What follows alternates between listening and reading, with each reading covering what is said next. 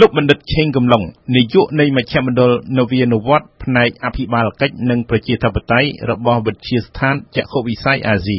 ខ្ញុំថាបើសិនជាគាត់កាត់ទាំងស្រុងធ្វើឲ្យវិស័យធំធំយើងមួយចំនួនដែលជាពិសេសយើងពឹងផ្អែកទៅលើទីផ្សារអឺរ៉ុបហ្នឹងព្រោះទីផ្សារអឺរ៉ុបជាទីផ្សារធំលេខ2របស់យើងផ្នែកវិញ្ញាណភ័ណ្ឌផ្នែក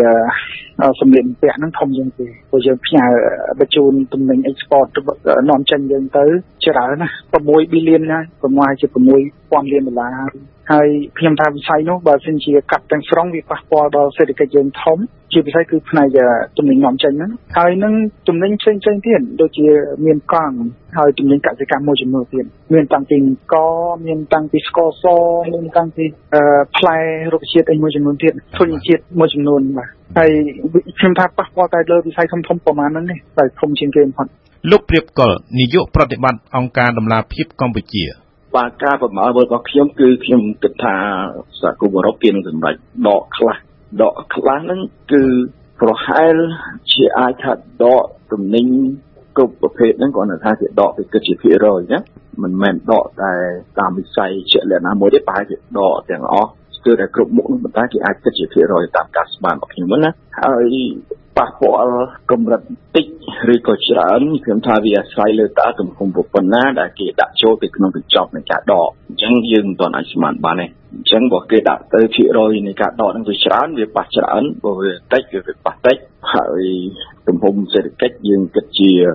លុយតែមួយមុខក៏វាមិនត្រូវ ពីព្រោះ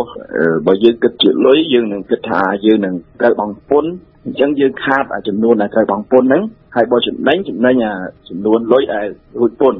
លោកបណ្ឌិតកឹមហៀងអគ្គនាយកក្រុមហ៊ុនអចលនទ្រព្យខ្មែរ Real Estate និងជាអ្នកជំនួញជាន់ខ្ពស់មួយរូប EBA មានន័យថាគេអឺរ៉ុបហ្នឹងឲ្យតំណែងកម្ពុជារាប់រាប់រយពាន់ប្រភេទហ្នឹងចូលក្នុងអឺរ៉ុបដោយមិនយកពន្ធអញ្ចឹងយើងត្រូវយល់ថា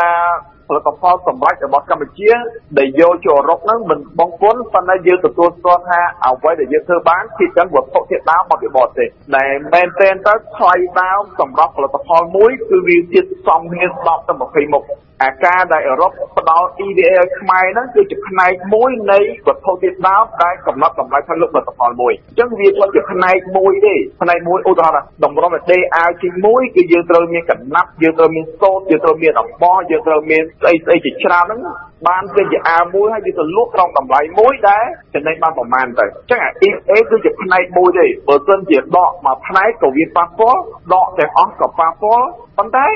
EVA ហ្នឹងមិនមែនជាកត្តាកំណត់នៃឧស្សាហកម្មរបស់ខ្មែរទេលោកបណ្ឌិតគីស្រីវត្តនាយកមជ្ឈមណ្ឌលសិក្សាចិននិងជាអ្នកជំនាញផ្នែកសេដ្ឋកិច្ចនៃរាជបណ្ឌិតសភាកម្ពុជាខ្ញុំយល់ថាការព្យួរ EVA ហ្នឹង វាហាក់ដូចជាមិនទាន់បង្ហាញពីផលប៉ះពាល់ណាឲ្យពិតប្រាកដមួយច្បាស់លាស់នៅឡើយទេបាទទី1ដោយសារតែការជួល EBA គ្រាន់តែជាការដាក់បន្ទុកឲ្យថ្លៃទំនិញកើនឡើងនៅពេលដែលយើងនាំចេញទៅអឺរ៉ុបអញ្ចឹងទៅតាមខ្ញុំយល់កាលណាទំនិញឡើងថ្លៃ10%បើអាយមួយថ្លៃ100ត្រូវឡើងថ្លៃ110អញ្ចឹង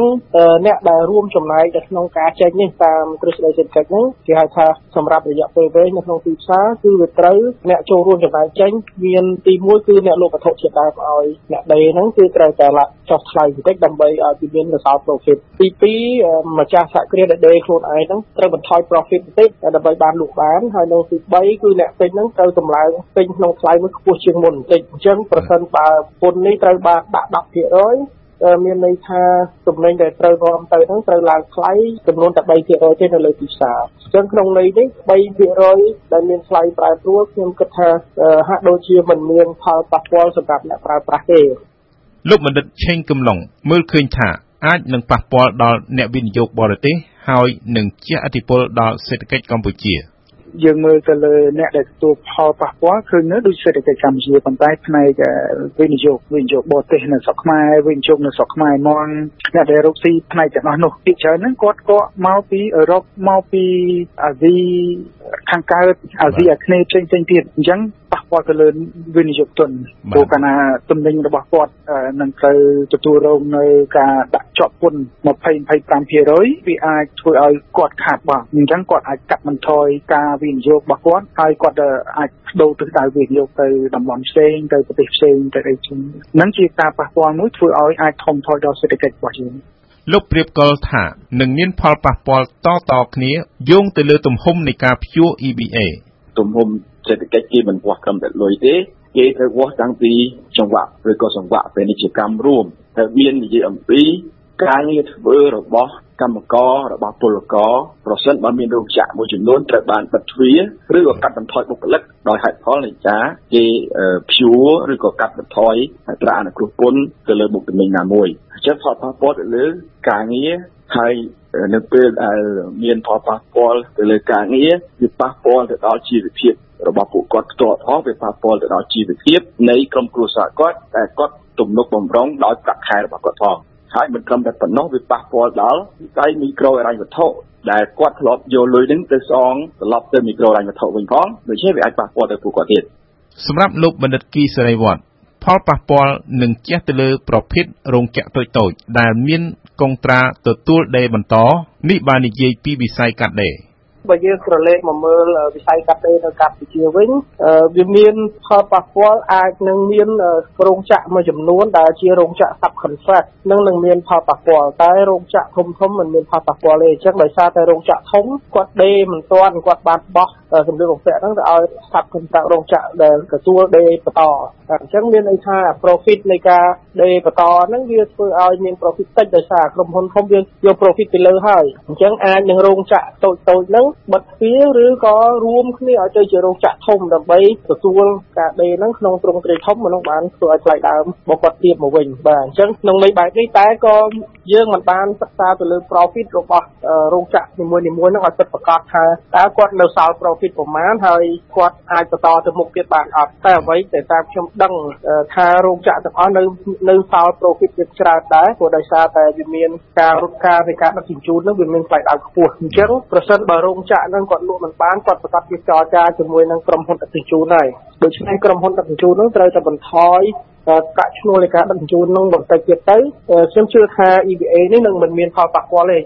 ករណីអស់ EBA នេះគឺគ្រាន់តែជាផ្នែកមួយប៉ុណ្ណោះនេះបើតាមលោកបណ្ឌិតគឹមហៀងលោកបន្តថាការដក EBA ពីកម្ពុជាទោះតិចឬច្រើន វានឹងប៉ះពាល់តែនៅតែមានដំណោះស្រាយវាជាផ្នែកមួយទេប៉ុន្តែដោយសារប្រជាជនយើងគាត់អត់សូវយល់អំពីធាតុផ្សំនៃស្វ័យតោរបស់ផលផលមួយគាត់ចេះបារម្ភថាបើដកចេញក្រែងលោកគេបិទរោងចក្រដកចេញវាមិនមែនទេវាមិនមែនថាបើកម្ពុជាអត់មាន EBA គេគេបិទរោងចក្រវាមិនអាចទេ ប៉ុន្តែយើងកំណត់ថាប្រសិនបើអស់ EDA មកផ្នែកទាំងស្រុងថ្លៃដើមនៃការផលិតរបស់ខ្មែរយើងនឹងឡើងថ្លៃជាងមុនបើថ្លៃដើមផលិតគឺថ្លៃជាងមុនគឺគាត់នឹងលក់តម្លៃថ្លៃជាងមុនចឹងពេលថ្លៃជាងមុនគាត់ប្រហែលជាបបាក់ប្រកួតប្រជែងជាមួយនឹងផលិតផលដែលនាំចេញពីប្រទេសដែលគេមាន EDA ហ្នឹងអញ្ចឹងពិបាកប្រជែងប៉ុន្តែយើងត្រូវសិក្សាឡើងវិញថាបើសិនជា អស់ EBA វាធ្វើថ្លៃដើមការឡើងហើយតើផលិតផលសម្រាប់របស់កម្ពុជាយើងដែលចេញជាអាវមួយហ្នឹងវាមានប្រភពតាមអ្វីខ្លះយើងត្រូវរកហេតុផលផ្សេងមកទុកវិញណាអញ្ចឹងរួមសម្រាប់ខ្ញុំដកទាំងអស់ក៏ប៉ះពាល់ដកបន្តិចក៏ប៉ះពាល់ប៉ុន្តែមិនមែនដល់ដល់ថ្នាក់បដិវចៈទេអញ្ចឹងយើងរកដំណោះស្រាយទៅលោកបណ្ឌិតឆេងកំឡុងបន្ត ជារួមខ្ញុំគិតថាវាអាចប៉ះពាល់មួយផ្នែកប៉ុន្តែបើថាឲ្យសេដ្ឋកិច្ចយើងដល់ដួលរលំប្រហែលជាមិនដួលរលំដោយសារតែរដ្ឋាភិបាលបានគិតទៅលើផ្លូវច្រកផ្សេងទៀតដើម្បីធ្វើម៉េចឲ្យវាមានការប៉ះទៅប៉ះទៅទៅថាម៉េចមានន័យថាតាំងពីហ្នឹងយើងក៏មានការកែសម្រួលទៅការវិនិយោគទៅច្បាប់វិនិយោគលិខិតបទដ្ឋានទាំងអស់ទាក់ទងទៅនឹង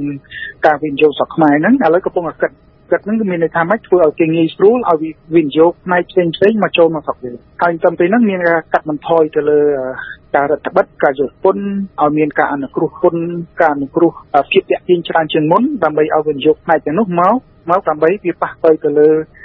វិស័យកាត់ដេរវិស័យទីពីអ្នកពន្ធមួយចំនួនហ្នឹងដែលខ្មែរយើងពឹងផ្អែកយ៉ាងច្រើនតែលើកនេះលោកបណ្ឌិតឆេងកំឡុងបន្ថែម បើសិនជាមួយផ្នែកណាខ្លះហើយកុំឲ្យប៉ះពាល់ទៅលើវិស័យវិជ្ជាភ័ណ្ឌព្រោះបើសិនជាប៉ះពាល់លើវិស័យវិជ្ជាភ័ណ្ឌវាអាចមានផលប៉ះពាល់ទៅដែរឧទាហរណ៍ថាគាត់ដាក់ថា20% 30%ខ្ញុំឧទាហរណ៍ណាមិនដឹងថាប្រមាណភាគរយប៉ុន្តែ20% 30%ប៉ះពាល់ទៅដល់ផលិតផលដែលខ្មែរយើងនាំចេញទៅច្រើនជួនកាលវាជាលក្ខណៈយុទ្ធសាស្ត្ររបស់គេគេថាឥឡូវអត់ដាក់100%ទេដាក់តែ20ប៉ុណ្ណា20 30ហ្នឹងវាចំទៅលើតំណែងដែលយើងនាំចេញច្រើនជាងគេ អាហ្នឹងយើងពិបាកគ្រាន់តែព្យាករត្រង់ហ្នឹងអាចពិបាកនឹងទោះជាថាទៅលើផ្នែកណាហើយបើសិនជាដាក់មួយទៀតដែរគាត់ថាឥឡូវអឺផ្ទុយទៅវិញបើខ្ញុំនិយាយទៅខ្ជះទៅវិញថាបើគាត់ដាក់ថា70%ទៅលើតំណែងទាំងអស់បាទ70%មែនទេតំណែងខ្មែរយើងលែងសូវពឹងផ្អែកលើអានោះហ្នឹងយើងពឹងផ្អែកទៅលើវិស័យអីផ្សេងទេអាហ្នឹងគឺជាជាជារបៀបយុទ្ធសាស្ត្រនៃការធ្វើនយោបាយរបស់ពួកអឺរ៉ុបតែលោកព្រៀបកលយល់ថា វានឹងប៉ះពាល់ដល់កេរ្តិ៍ឈ្មោះប្រទេសផងដែរដែលនេះគឺជាការខាតបង់ខ្ញុំមើលឃើញមួយទៀតនោះគឺកេរ្តិ៍ឈ្មោះកម្ពុជារូបភាពនៃប្រទេសកម្ពុជាទៅលើឆាកអន្តរជាតិនៅពេលដែលយើងមានឈ្មោះថាជាប្រទេសត្រូវបានសហគមន៍អឺរ៉ុបដាក់ទណ្ឌកម្មដោយការកាត់បន្ថយឬក៏ដក EVA ខ្លះរូបភាពហ្នឹងគឺយើងមិនអាចស្មានស្រាលស្រាលទេពីព្រោះពេលដែលវិនិយោគិនគេពិចារណាគេចង់វិនិយោគបើគេឃើញអាហ្នឹងនៅក្នុងកាសែតឬក៏នៅក្នុងសារព័ត៌មាន ឬក៏នៅក្នុងកំណត់ត្រាណាមួយវាជារឿងមួយដែលគេយកទៅគិត គេនឹងមានការស្ទាក់ស្ទើរនេះគឺជាការខាតមួយទៀតដែលយើងអត់អាចគិតជាលុយចេញទេបាទអញ្ចឹងខ្ញុំគិតថាបញ្ហានយោបាយស្រុកខ្មែរយើងនេះវាឈានដល់ដំណាក់កាលមួយដែលពលរដ្ឋសាមញ្ញធម្មតានេះជាអ្នកចេញលុយខ្លាច់ខាតណាអ្នកនយោបាយគាត់ឆ្លោះគ្នាគាត់មិនព្រមចរចាគាត់មិនព្រមដោះស្រាយបញ្ហាទុកឲ្យពលរដ្ឋអ្នកដែលរងគ្រោះអ្នកដែលត្រូវចេញលុយថ្លៃខាតបង់នៃទំនាស់នយោបាយកម្ពុជានឹងគឺជារឿងគួរអកុសលមែនទែនបាទ លោកបណ្ឌិតគីស្រីវត្តយល់ថាបញ្ហា EBA នេះគេមិនដែលបិទទាំងស្រុងនោះទេខ្ញុំមានន័យថាវាដូចតែគ្នាកាលណាយើងផ្នែកខ្លះវាជាសញ្ញាមួយសម្រាប់ឲ្យទីផ្សារធ្វើការកែតម្រូវជាបដាបដាអញ្ចឹងនៅពេលដែលចូលដល់ផ្នែកបិទ ទូទាំងស្រុងធម្មតាគេមិនដែលបិទទាំងស្រុងភ្លាមទេកាលណាបិទទាំងស្រុងភ្លាមវាធ្វើឲ្យប្រទេសហ្នឹងរងគ្រោះតែម្ដងមានន័យថា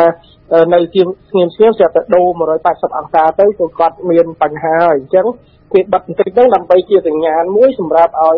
សហគ្រាសហើយនឹងអាជីវកម្មទាំងអស់ហ្នឹងគាត់ធ្វើការកែតម្រូវទម្រង់ផលិតកម្មហើយនឹងថ្លៃដើមរបស់គាត់